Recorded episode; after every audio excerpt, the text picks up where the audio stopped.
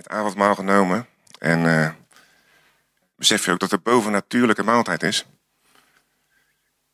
Dat je een bovennatuurlijke schepping bent, dat je net een bovennatuurlijke maaltijd hebt genuttigd. Onze God is echt niet normaal hoor. God is niet normaal. Vind je het wel normaal dan? Dat je gekregen hebt uh, wat je niet verdient. Ik vind het normaal. Dat iemand zijn leven geeft voor jou. Jouw straf op zich neemt. Niet normaal. Dat is super. En het wordt nog veel erger. Hij maakt jou super. Hij heeft jou namelijk opgetild. Hij heeft een echte relatie met jou. Ik heb eens iemand op de zaak gesproken die, uh, zoals in een of andere secte, jij denkt toch niet dat je een relatie met God hebt, zeker? En die ging helemaal uit zijn dak toen dat zei. En toen dacht ik van, uh, ja, dat is inderdaad niet normaal. Het is niet normaal dat iemand jou onvoorwaardelijk lief heeft, terwijl hij diep in jouw hart kan kijken. En dat het er allemaal niet toe doet, omdat datgene wat nodig was, dat er gebeurd is. God is een heilige God. Hij kan zonder niet verdragen. En toch heeft hij een relatie met jou en met mij. Dat zegt iets over jou en mij. Wat zegt dat?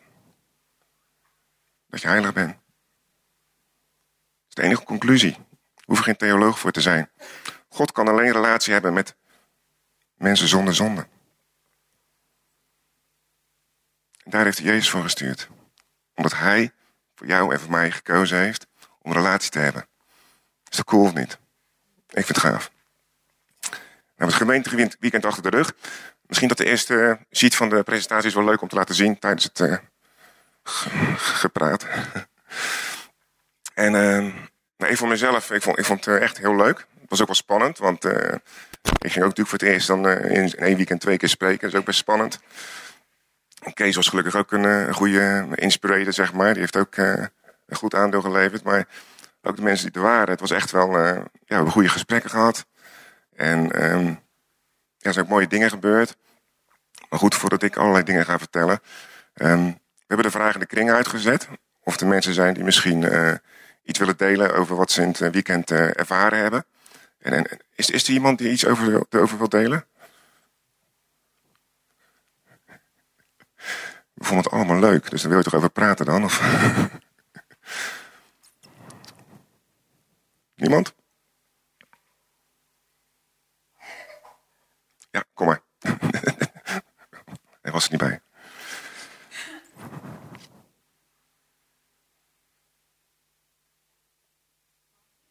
Tuurlijk. Je mag op je plek blijven zitten als je het eng vindt.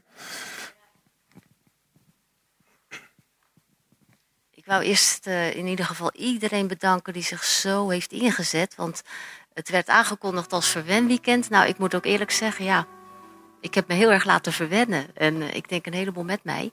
En ik wil ontzettend bedanken de muziek en alle praktische dingen, het eten, drinken, het, het hele programma. Ja, ik ben gewoon ontzettend dankbaar en ik hoop volgend jaar weer.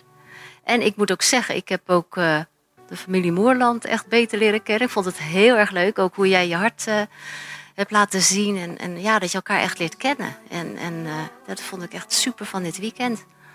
Dus, amen.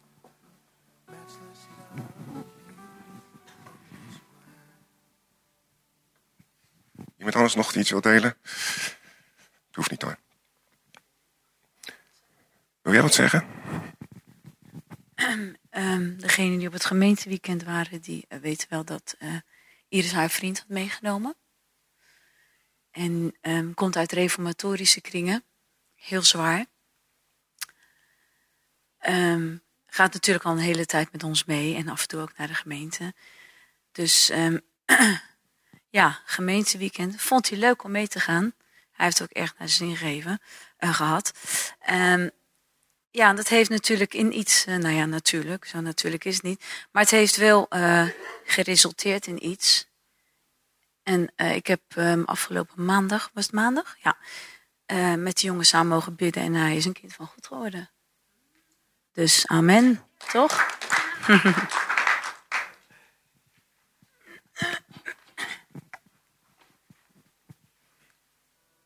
ja, geweldig uh, weekend gehad. En uh, als ik voor mezelf heel spontaan terugdenk, het eerste moment wat mij, bij mij boven komt is eigenlijk uh, zondagmorgen, afsluiting van de dienst.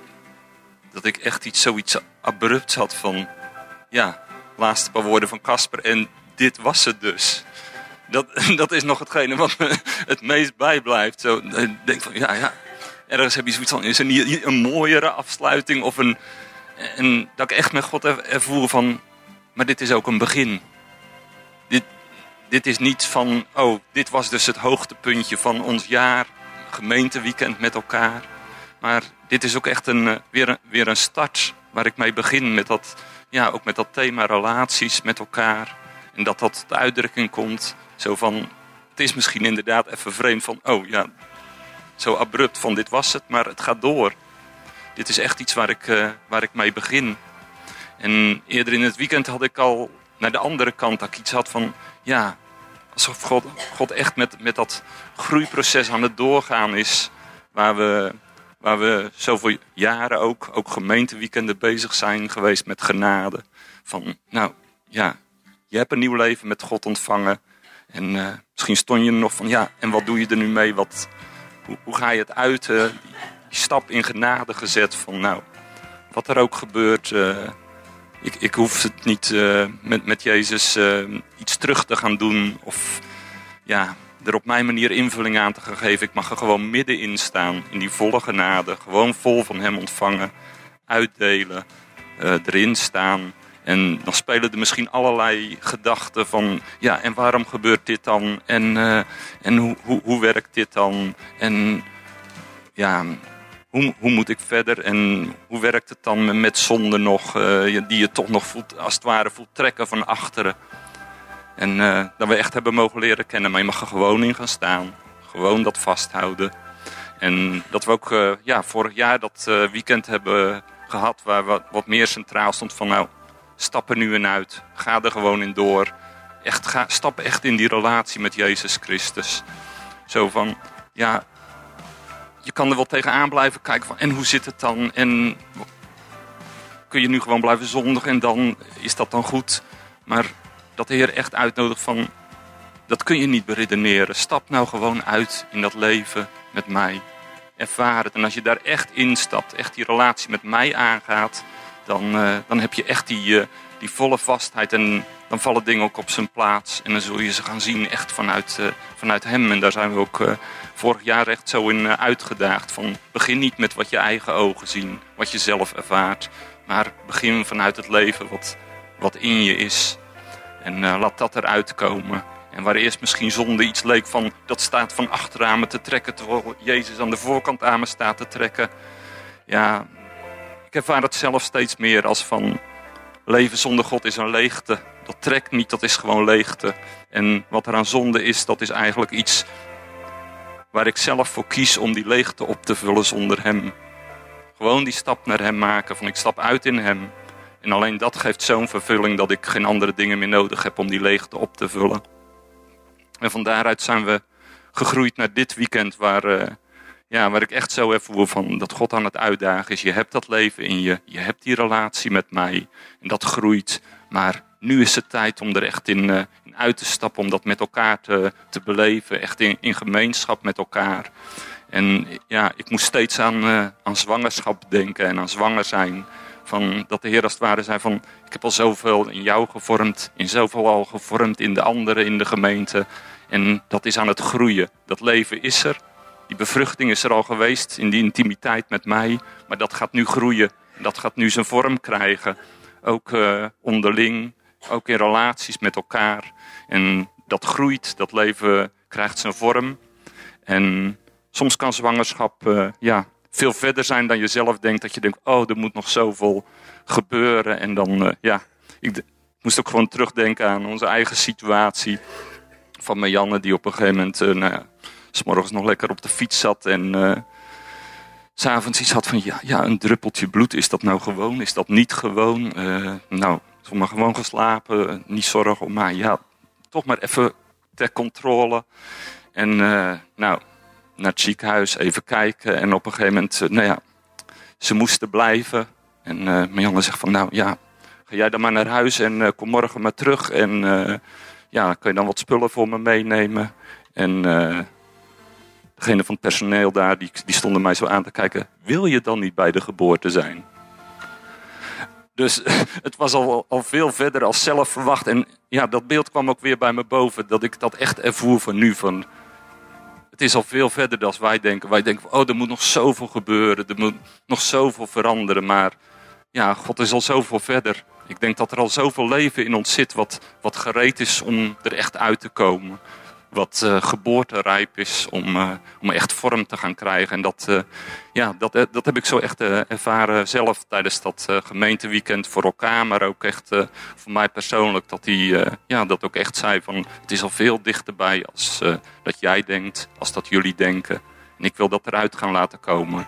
Dit is een begin, dit weekend. Het is niet een hoogtepuntje van het jaar. Maar dit is echt een, een begin van iets wat ik uh, de komende periode, de komende fase ook echt in jullie wil gaan uh, uitwerken. Dat is zoals ik het heb uh, ervaren. Super, dankjewel. ja, tuurlijk. Um, omdat jij net over, ik dacht er net wel aan, maar je begon over zwangerschap. Nee, ik ben niet zwanger. Um,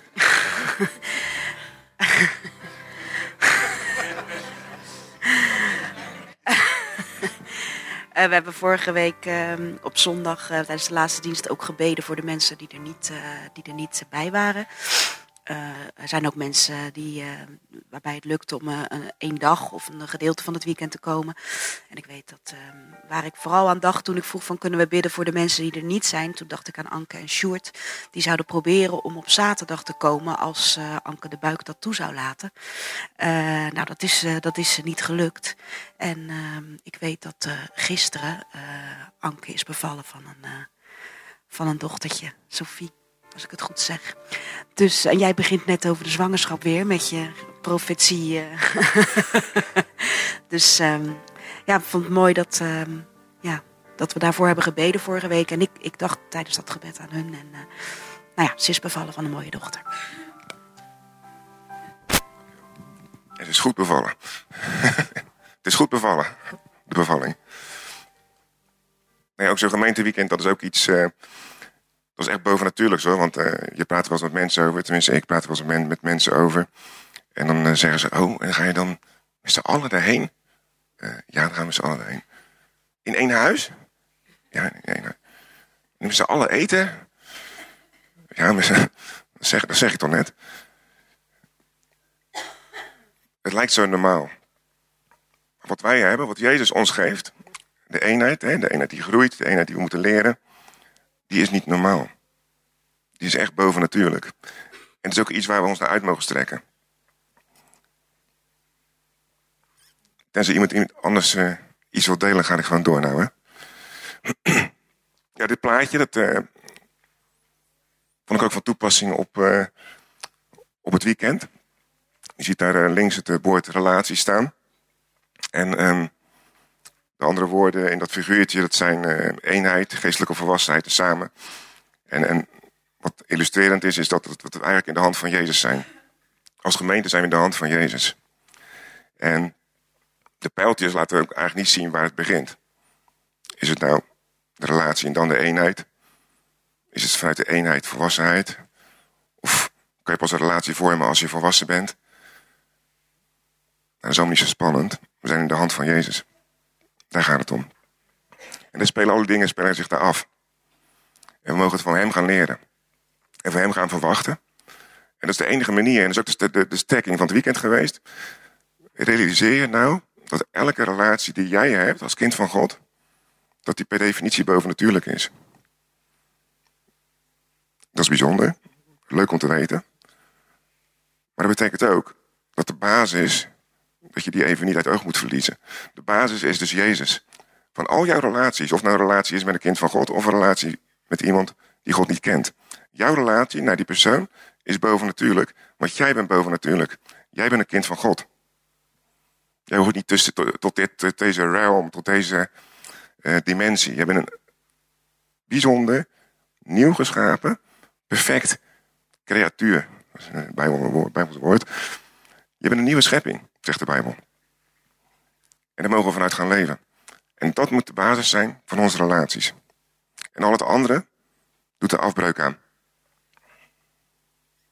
Ik wil een stuk eh, lezen uit Colossense met jullie. Mag lekker meelezen.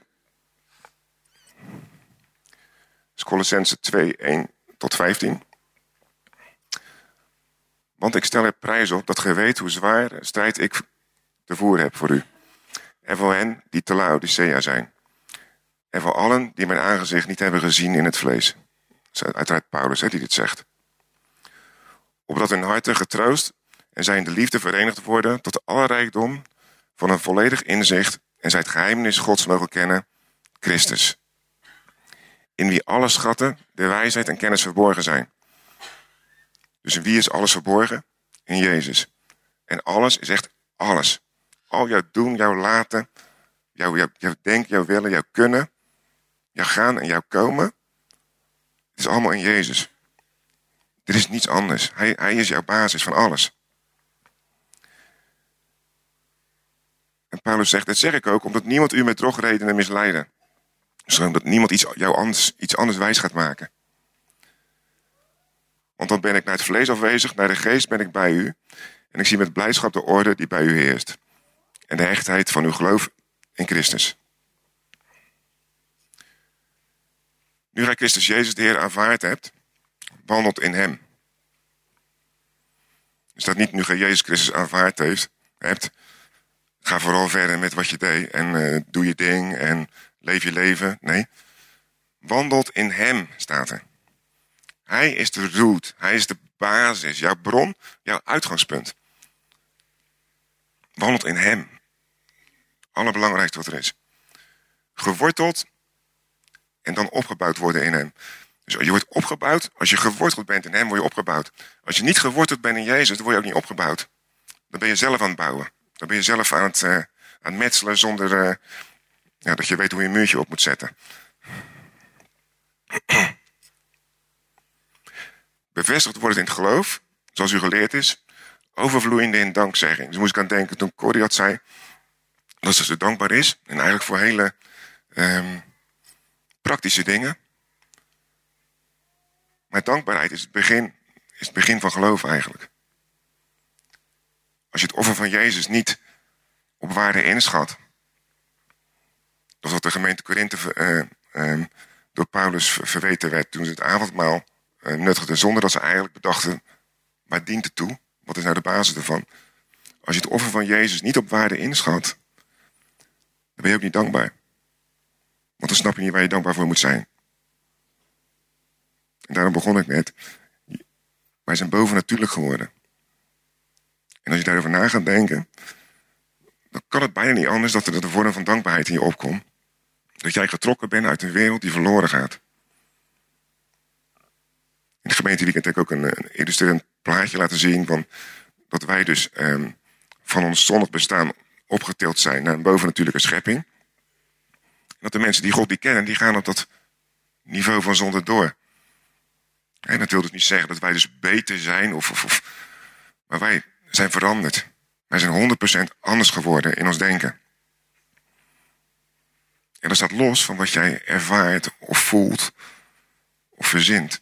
Toen jij een kind van God werd, werd jij 100% veranderd in je denken, want je hebt de geest van God in jouw denken gekregen. Alleen wij moeten leren daarnaar te gaan luisteren. En ik zelf ook. Zie toe dat niemand u meesleept door zijn wijsbegeerte en door ijdel bedrog. In overeenstemming met de overleveringen der mensen. Met de wereldgeesten en niet met Christus. Wat heel bijzonder was van, uh, van Sander, die, uh, die vriend van Iris. Die, uh, die is s'avonds naar de categorisatie geweest. Nadat hij zich bekeerd had. En heeft hij vragen gesteld. Want ja, laag als evangelisch kan je niet zinken. En een drumstel van de duivel. Ik veroordeel niemand, maar dat is toch wel de gedachtegoed daar. En hij heeft gewoon vragen over gesteld. Aan zijn jeugdoudste eigenlijk is dat. Een hele jonge oudste. En hij zat het te vertellen. En uh, ja, wij dachten ook van nou, nou, nou, nou komt het. En die man die heeft daar een, eh, ja, een hele goede dingen tegen hem gezegd eigenlijk. Daar kwam nul veroordeling uit. En hij zei ook, ja, het is ook eigenlijk niet waar. Een beetje een kwalijke uitspraak natuurlijk. Omdat je het in je eigen gemeente zo verkondigt. Maar bijvoorbeeld dat drumstel. Het wordt er voor verkeerde dingen gebruikt. En dat is waarom het van de duivel is. En ik denk van ja, ik snap dat. Ik snap dat ze dat zeggen. Want het gebeurt ook. Muziek wordt verkeerd gebruikt. Maar ja, met Sander ook besproken. Ik zeg je, jouw hele doen en laten wordt soms verkeerd. Gebruik je soms verkeerd. Je kijkt soms verkeerde dingen. Je hoort soms verkeerde dingen. Je denkt soms verkeerde dingen. Dat wil niet zeggen dat je van de duivel bent. Want je kan het namelijk ook heel goed gebruiken. En als het volk voor Israël ging worshipen, dan trilden de grondvesten in de omgeving. Maar dat gaat echt niet alleen met een triangeltje. Daar waren echt drumstellen. maar het mooie was dat die jongen eigenlijk wel blij was. Dat hij toch, um, hij was eigenlijk bang dat hij afgewezen zou worden of, uh, of wat dan ook. Maar daar viel hem 100% mee en ons ook, eerlijk gezegd, want je hebt toch je gedachten erover. En zijn ouders waren opgebleven. Normaal wachten ze niet op hem. Die waren opgebleven om toch met hem te praten, want ze wisten dat hij dat ging bespreken in die categorisatie. En toen heeft hij zijn ouders dingen kunnen vertellen. En het enige wat ze konden doen is van ja, we weten het. Enerzijds heel mooi, anderzijds heel triest natuurlijk. Maar hij mag nu getuigenis zijn in zijn omgeving. En dat is natuurlijk, hij mag in het bovennatuurlijke gaan wandelen. Zonder angst wat de omgeving gaat doen. En geloof me, als je, als je hij is 18 geloof ik, 19, 19. Als je 19 jaar lang daarin uh, opgevoed bent, dan is dat spannend. Dat is echt spannend. Want het is niet zomaar iets waar je even van losrukt. Dus daar moeten we maar voor gaan bidden dan.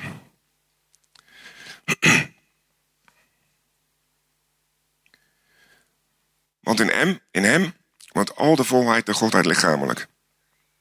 In Jezus. Al de volheid der Godheid. Dus alles wat God is, is in Jezus eigenlijk. Woont in Jezus. En nu komt het super gave stuk tekst.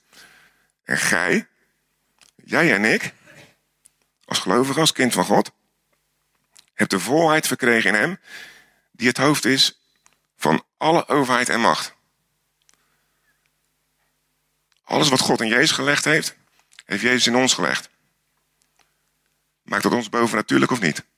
Zijn we dan maar mensen? Want daar schermen we wel eens mee, hè? Als, we, als we struikelen. Als we, ik ben ook maar een mens. Je bent niet helemaal zomaar een mens.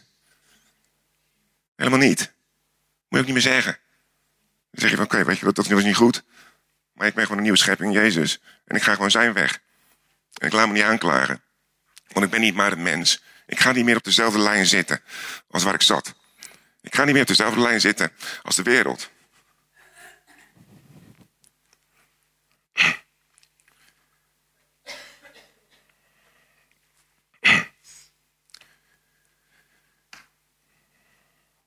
In hem zijt gij ook met een besnijdenis die geen werk is van mensenhanden besneden. Door het afleggen van het lichaam des vleeses. In de besnijdenis van Christus. Jezus zegt van, het gaat er niet om of je eh, aan je lichaam besneden bent, zoals de Joden. Maar het gaat erom of je in je hart besneden bent. Dat is de ware besnijdenis. Dat is de nieuwe, het nieuwe hart wat je, je hebt een besneden hart gekregen. Dat betekent dat je heilig bent. En wat er staat is, door het afleggen van het lichaam des vleeses. Dat waar jij het over had, Peter. Je voelt soms nog dat zonde achter je aantrekt. En, het is soms als een, als een, als een, uh, als een jas. Twee tellen.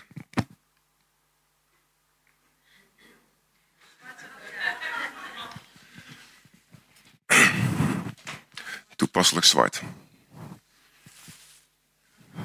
Mooi hè? Zit lekker joh. Ik voel me ook best lekker bij. Want wat eronder zit, dat weet ik alleen. Onder andere. nou, één in ieder geval. Sixpack. Dit is mijn jasje. Dit is mijn, uh, mijn lichaam van het vlees. Liggen. Let op wat Jezus voor ons gedaan heeft.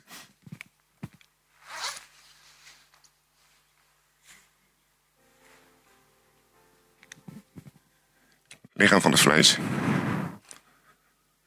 Uit. Weg. Sterker nog.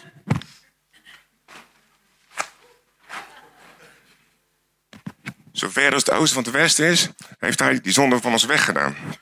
Ik kan het niet anders illustreren. Ik bedoel, ik bedoel het niet grappig te maken in die zin. Laat het tot je doordringen. Jij bent nieuw. Je hebt het lichaam van het vlees.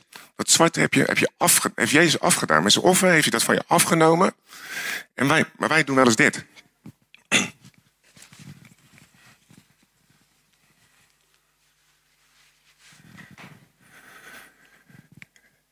Ik heb het lichaam van het vlees afgedaan.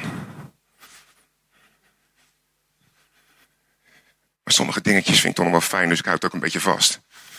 Of als het koud wordt. Als het een beetje wind is. En sommige mensen lopen zo.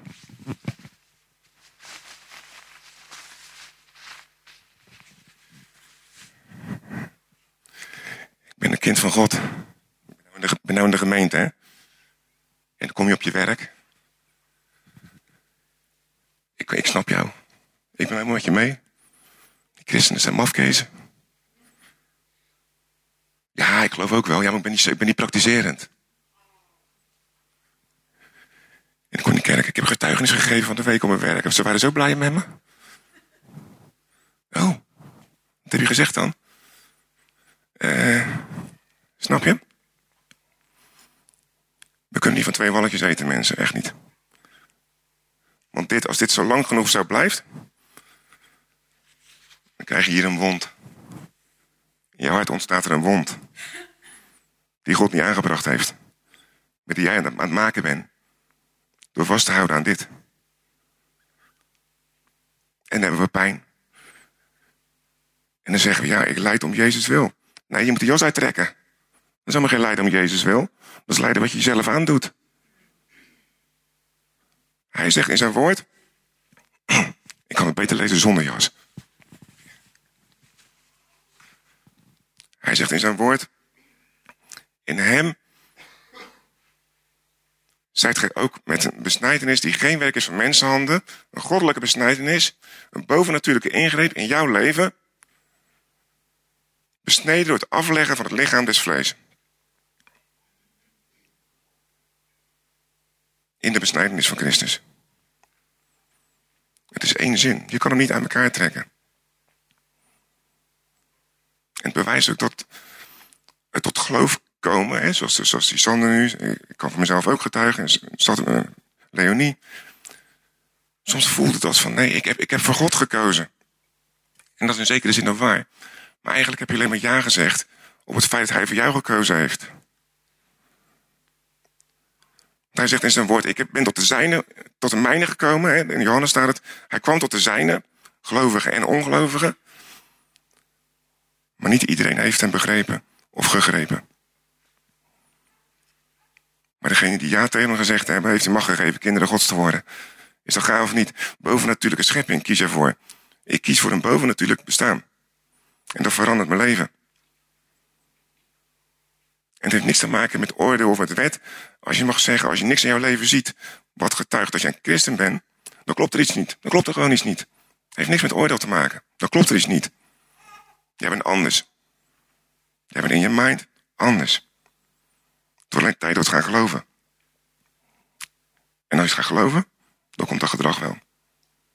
Focus niet op het gedrag wat je goed of fout doet. Geloof op, focus op je hart. Focus op wat Jezus in je hart heeft gedaan. De oorsprongen van het leven zijn uit het hart. Maar niet van het leven van deze aarde. Dus oorsprongen van God, wat Hij in jou gelegd heeft. Hij zegt, ik zal je geven een hart van vlees en bloed. Dat geef ik jou. En het hart van steen, dat ruk ik eruit. Dat is gebeurd in jou en in mij. Ben ik nog te verstaan? Of? dat is gebeurd in jou en mij. Je hebt een hart van vlees, een bovennatuurlijk hart heb je gekregen. Want je rikketik ziet er nog hetzelfde uit als voordat je toch geloof kwam hoor. Als je jezelf, uh, in jezelf zou kijken. Maar je hebt een bovennatuurlijk hart gekregen. En daar mag je uit gaan leven. En dat is bovennatuurlijk leven en dat is super gaaf. En het wordt alleen maar gaver. Daar gij met hem, begra daar met hem begraven zijt in de doop, in hem zijt gij ook mede opgewekt door het geloof aan de werking Gods, die hem uit de dood heeft opgewekt. Ook u heeft hij, hoewel gij dood waart voor door uw overtredingen, dus we waren dood, in een onbesnedenheid van het vlees, levend gemaakt. Levend gemaakt met hem, toen hij ons al onze overtredingen kwijtschold. Door het bewijsstuk uit te wissen. En wat is het bewijsstuk van onze overtredingen? Dat is de wet. Ja. Door het bewijsstuk uit te wissen. Dat door zijn inzettingen tegen ons getuigde en ons bedreigde. En dat heeft hij weggedaan door het aan het kruis te nagelen. Hij heeft de overheden en macht ontwapend en openlijk tentoongesteld en zo over hen gezegevierd. Ik moest vanochtend denken dat Jezus aan het kruis zegt: um, Vader, waarom heeft u mij verlaten? En toen moest ik denken, dat is de ultieme uitspraak dat hij mens geworden is. Dat Jezus zich verlaten voelde van zijn eigen vader. Dat is voor mij het bewijs dat hij daar 100% mens was. Dat hij 100% zich verloren voelde, zich angstig voelde. Maar hij wist wat er komen ging. Hij wist waarom hij het aan het doen was. En toch was hij verlaten van de vader. En het moest ook even.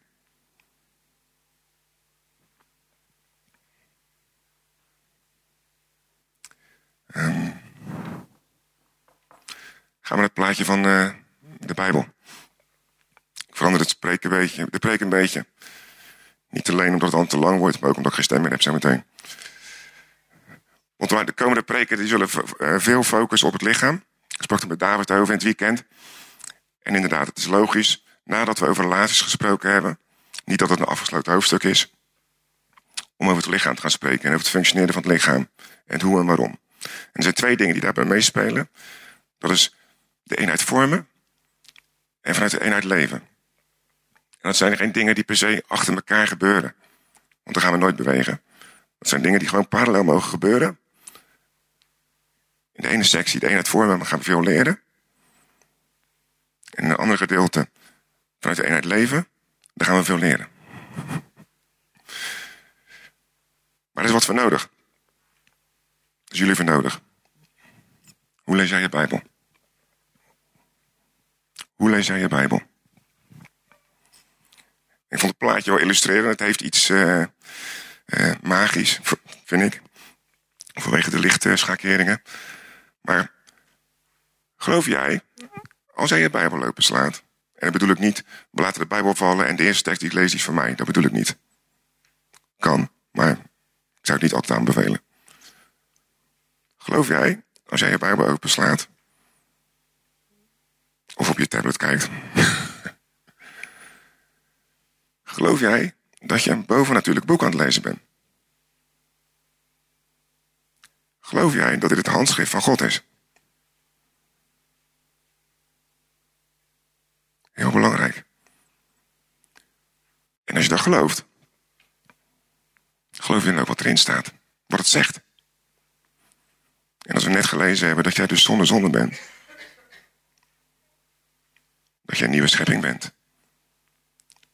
Maar de eerste tekst bij je opstond dat we verborgen zijn in, in Jezus, zeg maar. Ons leven is verborgen in Jezus, in zijn hand. Als je dat gelooft, dan mag dat de basis zijn van, waaruit je de Bijbel gaat lezen. Ik ga je sterker zeggen, dat moet de basis zijn van waaruit jij de Bijbel leest als kind van God. Als je de Bijbel leest vanuit het oogpunt van ik ben gered. Ik ben goed genoeg. Ik ben competent. Ik ben een nieuwe schepping.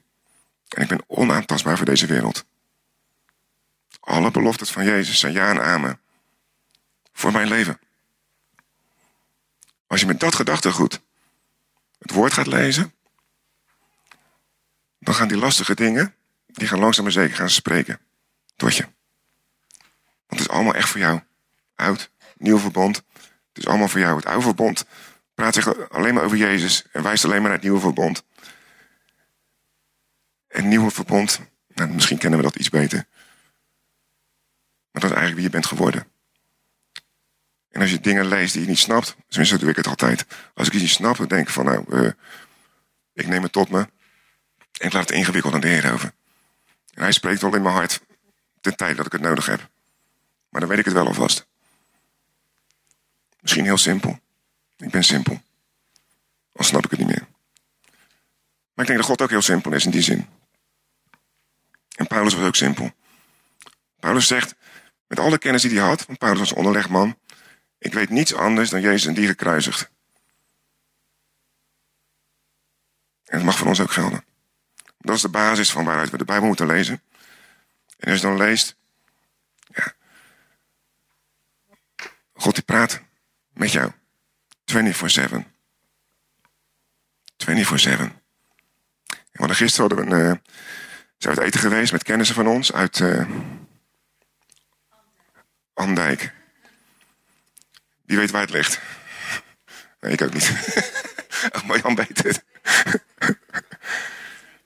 het ligt in Noord-Holland. Dus, oké, we praten met 020 is dat, is, dat is, dat is dan minder.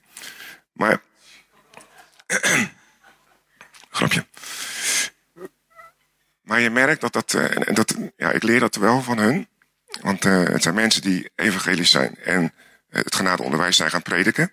In een omgeving die daar in de wijde omtrek niets meer heeft. Dus zo zijn we elkaars klankbord een beetje. Maar wat ik van, met name van, van de man leer, is dat hij is profetisch. En hij, de dingen die in het leven gebeuren, die probeert hij op waarde in te schatten. En hij schrijft ze ook op. En nou, ieder doet het op zijn manier. Dan moet je voor jezelf weten hoe je dat doet. Maar voor een christen bestaat toeval niet. Echt niet.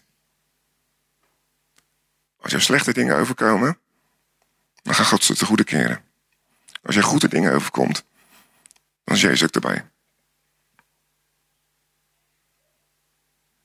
Alleen, schat het op waarde in. Schat het op waarde in. Sluit het in je hart. Alles wat er gebeurt in je leven. Vanaf dat je kind van God bent geworden. En dat is best leuk om dat eens een keer te bedenken. En kijk dan je leven vlak voor dat je kind van God werd. En kijk dan je leven waar het nu is. En kijk er eens naar wat er allemaal gebeurd is. En kijk eens hoe God jou vasthoudt in die fases. En hoe God je leven verandert. En dan maak je dingen mee die helemaal niet leuk zijn. Maar God is erbij. En die dingen had je misschien zonder God ook wel meegemaakt.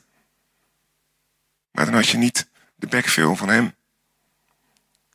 Want hij staat om je op te vangen. Je bent in zijn hand. Altijd. Altijd. Dat is toch gaaf? Dus dan vragen jullie is, lees gewoon je Bijbel op die manier. Geloof dat het een bovennatuurlijk geïnspireerd boek is. Denk er niet te makkelijk over. We zijn soms zo lang op de weg dat alles gewoon geworden is. En we zijn drukker bezig met het kerk zijn dan met het waarachtige geloof. Waar God ons toch geroepen heeft. Ja? De volgende sheet is eigenlijk hetzelfde, maar dan anders.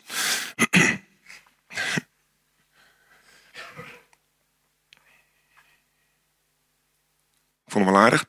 The word listen contains the same letters as the word silent. Ik had het daar met Kees over. En uh, hij zei wat moois erover. Hij zegt van als je stil wordt, als je omgevingsgeluiden dempt, dan ga je je eigen herrie horen in je hoofd. En dat mag ook weggaan. Daar mag je mee om leren gaan. En dat mag je gaan herkennen. En stilte is voor heel veel mensen heel moeilijk. Er zijn mensen, daar kom je op visite. Er staat gedurende het hele bezoek de televisie aan. Dat vind ik dat persoonlijk uitermate onbeleefd. Maar los van dat, het gaat erom dat die tv moet aan. Want anders valt er een stilte. En stilte vinden we eng. Want als je stil bent, dan ben je alleen. Dan wordt je wereldje opeens heel klein. Je eigen gedachten die gaan jou beheersen. En dat bedoelde Kees, denk ik. Dan ga je je eigen herrie horen. Ja, maar dat is nou precies waar God mee kan dealen. Want dan ga je echt worden. Want die herrie om je heen, dat is een soort eh, matras. Misschien is het wel een beetje een jas. Die herrie om je heen is een soort schild van kom met z'n allen niet dichtbij. Zelfs de Heer Jezus komt niet te dichtbij. En als je echt stil wordt, dan mag je verwachten dat er mooie dingen gaan gebeuren in je leven. We mogen echt verwachting hebben. We mogen verwachting hebben van degene die de hemel en aarde geschapen heeft. En die woont in jou. Die kracht woont in jou. Is op bizar? Ik voel het niet. Hoe cares wat je voelt? Hoe cares? Het is een feit. Staat hierin. Hier staat het in. En dit moet meer waarheid voor jou worden. Of zijn. Dan wat je voelt. Dat voelen komt wel. Eerst gaan bewegen in wie je bent. En dan komt het voelen ook. En dan ga je het echt voelen. Dan ga je het ervaren. Wat het belangrijke misschien nog wel is. Dan gaan anderen het ervaren. Want zolang jij dit terzijde legt. Ja. Dan ga je een beetje mensen napraten, toch? Maar er stond nog weer zo'n goede preek. Oh, heb je het ook nagelezen? Was het ook waar, wat hij zei? Nee, dat niet. Dat is je plicht, hè? Als man van het gezin. Onder andere. Toetsen. Het woord toetsen. Cool, hè? Jullie worden helemaal stil. Ik ook. Waarom ik zeg altijd, I'm preaching better than you're listening. mensen napraten. Laatste ziekje, zet maar op hoor. Zelfs als eerste ziekje trouwens. Het licht is een beetje jammer, maar goed. Want gij zijt gestorven. En uw leven is verborgen met Christus in God. Typisch evangelische zin dat je denkt, wat bedoelen ze daar nou mee? Wat moet ik daar nou mee? Deze wereld leeft in angst. Dat is gewoon een feit. Praat maar op verjaardagen met mensen die God niet kennen. En zelfs ook christenen. We leven in angst. En hier staat dat het niet nodig is. Hier staat dat het niet nodig is. Nou, en van dat gedachtegoed gaan we de komende tijd in ieder geval spreken, veel. Dat gaat de gemeente vormen. Voor zover het al niet gebeurt. Want het lijkt net of we helemaal op nul staan. Dat is echt niet waar. We zijn gewoon lekker onderweg. En uh, ja, we zien mensen hun plek nemen. Dat is heel goed.